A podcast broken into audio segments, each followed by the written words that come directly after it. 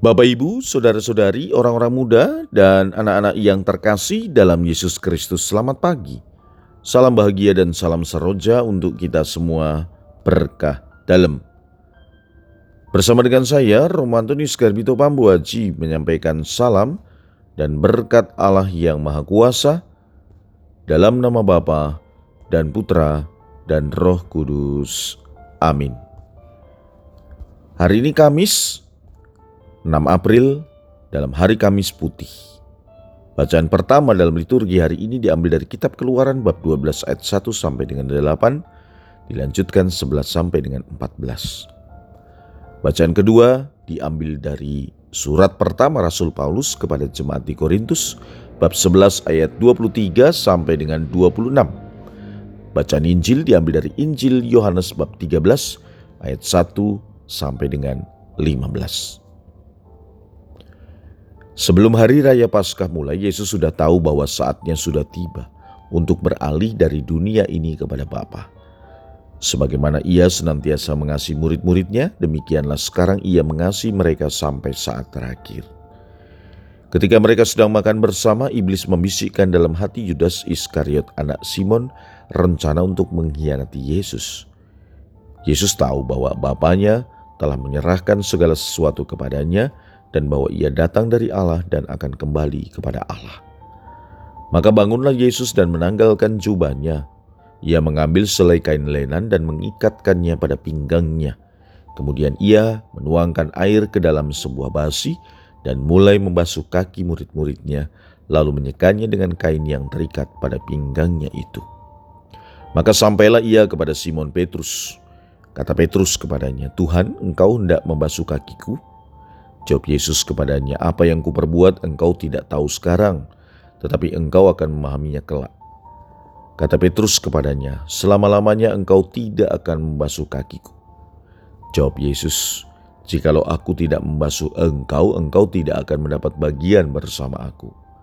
Kata Simon Petrus kepadanya, Tuhan, jangan hanya kakiku saja, tetapi juga tangan dan kepalaku. Kata Yesus kepadanya, barang siapa sudah mandi cukuplah ia membasuh kakinya, karena ia sudah bersih seluruhnya. Kamu pun sudah bersih, hanya tidak semua.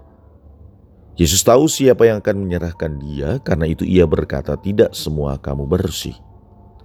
Sesudah membasuh kaki mereka, Yesus mengenakan pakaiannya dan kembali ke tempatnya. Lalu ia berkata kepada mereka, Mengertikah kamu akan apa yang telah kuperbuat kepadamu?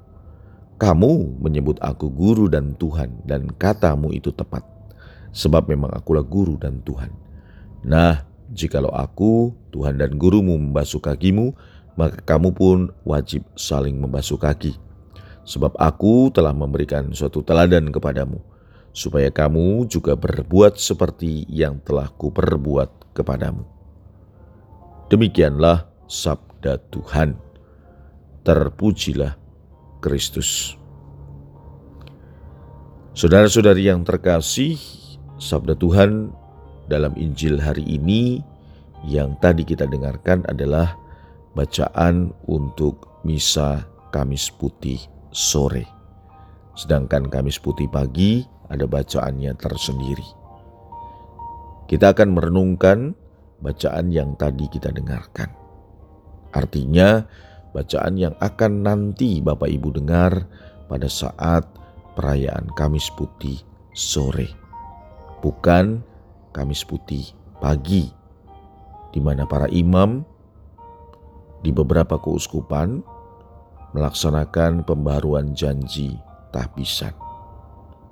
Mari kita merenungkan sabda Tuhan dalam Injil hari ini yang membawa kita kepada permenungan soal ketaatan dan kesetiaan Yesus kepada Bapaknya. Yesus sudah tahu bahwa waktunya sudah tiba, di mana dia harus menyerahkan dirinya kepada bangsa itu. Sebab kehendak Allah adalah bahwa dia harus menyerahkan diri untuk dikorbankan dan menderita lalu meninggal di kayu salib. Tentang hal kesetiaan akan terjawab ketika kita merenungkannya dalam ibadat Jumat Agung di mana Yesus menyelesaikan tugasnya sampai akhir, dan dua hal tersebut tidak dapat dipisahkan dari Yesus. soal ketaatan dan kesetiaan. Berdasarkan sabda Tuhan dalam Injil hari ini dapat kita merenungkan misteri iman yang kita rayakan dalam perayaan Misa Kamis Putih sore. Pertama, perintah Yesus untuk melayani. Salah satu hal yang dilakukan Yesus pada perjamuan terakhir adalah membasuh kaki para murid. Dan dalam Injil hari ini kita mendengarkan kisahnya.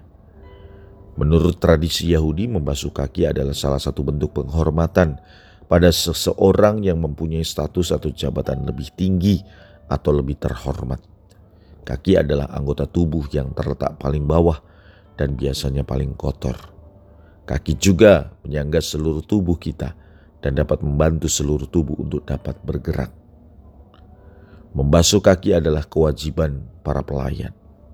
Melalui peristiwa ini, Yesus mau mengajarkan mengenai penghormatan dan teladan melayani, serta juga mengajarkan kita untuk memperhatikan mereka yang berada paling bawah tanpa memandang kasta. Dengan teladan pembasuhan kaki ini, Yesus ingin mengajarkan bahwa pada dasarnya semua manusia itu sama, memiliki hak dan martabat yang sama. Sehingga karena persamaan itulah semua manusia diharap dapat saling melayani dengan penuh kasih. Tradisi Kamis Putih yang dalam bahasa Inggris disebut Maundy Thursday diambil dari antifon pertama upacara pembasuhan kaki. Mandatum Novum atau perintah baru. Aku memberi perintah baru kepada kamu yaitu supaya kamu saling mengasihi. Sama seperti aku telah mengasihi kamu, demikian pula kamu harus saling mengasihi. Yang kedua, perintah Yesus untuk mengadakan ekaristi. Misa atau ekaristi yang kita rayakan adalah warisan dari Yesus. Setiap kali mengikuti misa bagian doa syukur agung, Sebenarnya kita mau mengenangkan kembali apa yang dilakukan Yesus pada perjamuan malam terakhir. Pada bagian konsekrasi dalam doa syukur agung, Yesus mempersembahkan tubuh dan darahnya dalam rupa roti dan anggur sebagai salah satu sarana pengampunan dan kehidupan serta keselamatan kekal bagi umat manusia. Kamis putih ini juga merupakan pesta bagi para imam. Mengapa demikian? Seperti yang sudah saya katakan tadi, karena pada perjamuan terakhir untuk pertama kalinya Yesus mewujudkan perannya sebagai imam. Pada perjamuan malam terakhir Yesus juga meletakkan dasar sakramen tabisan. Yesus memilih para rasulnya sebagai imam-imam dan uskup-uskup pertama, serta memberi mereka kuasa untuk mempersembahkan kurban misa.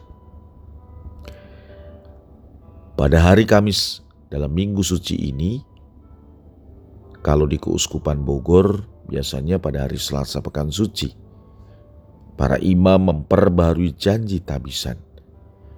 Pada kesempatan yang sama diberkati pula minyak-minyak yang akan digunakan untuk sakramen krisma, sakramen perminyakan orang sakit dan katekumen. Minyak yang telah diberkati dalam misa ini dibawa pulang ke gereja paroki atau stasi tempat para imam bertugas. Karena Kamis Putih merupakan juga peringatan inisiasi imamat, seluruh imam wajib mempersembahkan misa pada hari tersebut. Untuk konteks kita yang dapat merayakan Ekaristi adalah orang yang di dalam dirinya memiliki martabat imamat, yaitu para uskup dan para imam. Dalam perayaan Kamis Putih, kita tidak hanya merayakan penetapan Ekaristi, tetapi juga memberi imamat kepada para rasul, supaya ketika Yesus naik ke surga, para rasul dapat memimpin perayaan tubuh dan darah Kristus, atau yang sering kita kenal dengan perayaan Ekaristi. Kita dapat memahami bahwa tidak akan ada Ekaristi tanpa uskup dan tanpa imam. Ada tiga pesan bagi kita semua. Pertama, tetap setialah menjadi umat Katolik karena hanya dalam gembala tertabis kita dapat merayakan Ekaristi, dapat menyantap tubuh dan darah Kristus. Kedua, Kita juga diundang untuk berdoa bagi para uskup dan juga para imam. Doakanlah kami di malam Kamis Putih agar tetap setia dalam imamat kami. Setia merayakan Ekaristi, baik pribadi maupun bersama umat. Ketiga, baiklah umat mendukung karya para uskup dan para imam dengan cara kita masing-masing. Saudara-saudari yang terkasih, yang ketiga, perintah Yesus untuk menghidupi kasih persaudaraan. Ekaristi merupakan perayaan di mana Yesus sebagai tuan rumah menyiapkan santapan. Dan perayaan tersebut dihadiri jemaat yang bersama-sama berkumpul dan memiliki tujuan untuk mengingat karya penyelamatannya. Jadi, saudara-saudari yang terkasih, Ketika kita merayakan Ekaristi, berarti kita sedang menghidupi kasih persaudaraan. Sebab di akhir perayaan Ekaristi, kita diutus untuk meneruskan kasih dan persaudaraan itu. Marilah kita berdoa. Ya Tuhan, semoga kami sungguh menghayati makna perayaan Kamis Putih untuk tetap setia, taat, dan melanjutkan apa yang ditetapkan oleh Yesus Putramu. Berkat Allah yang Maha Kuasa, dalam nama Bapa dan Putra dan Roh Kudus. Amin.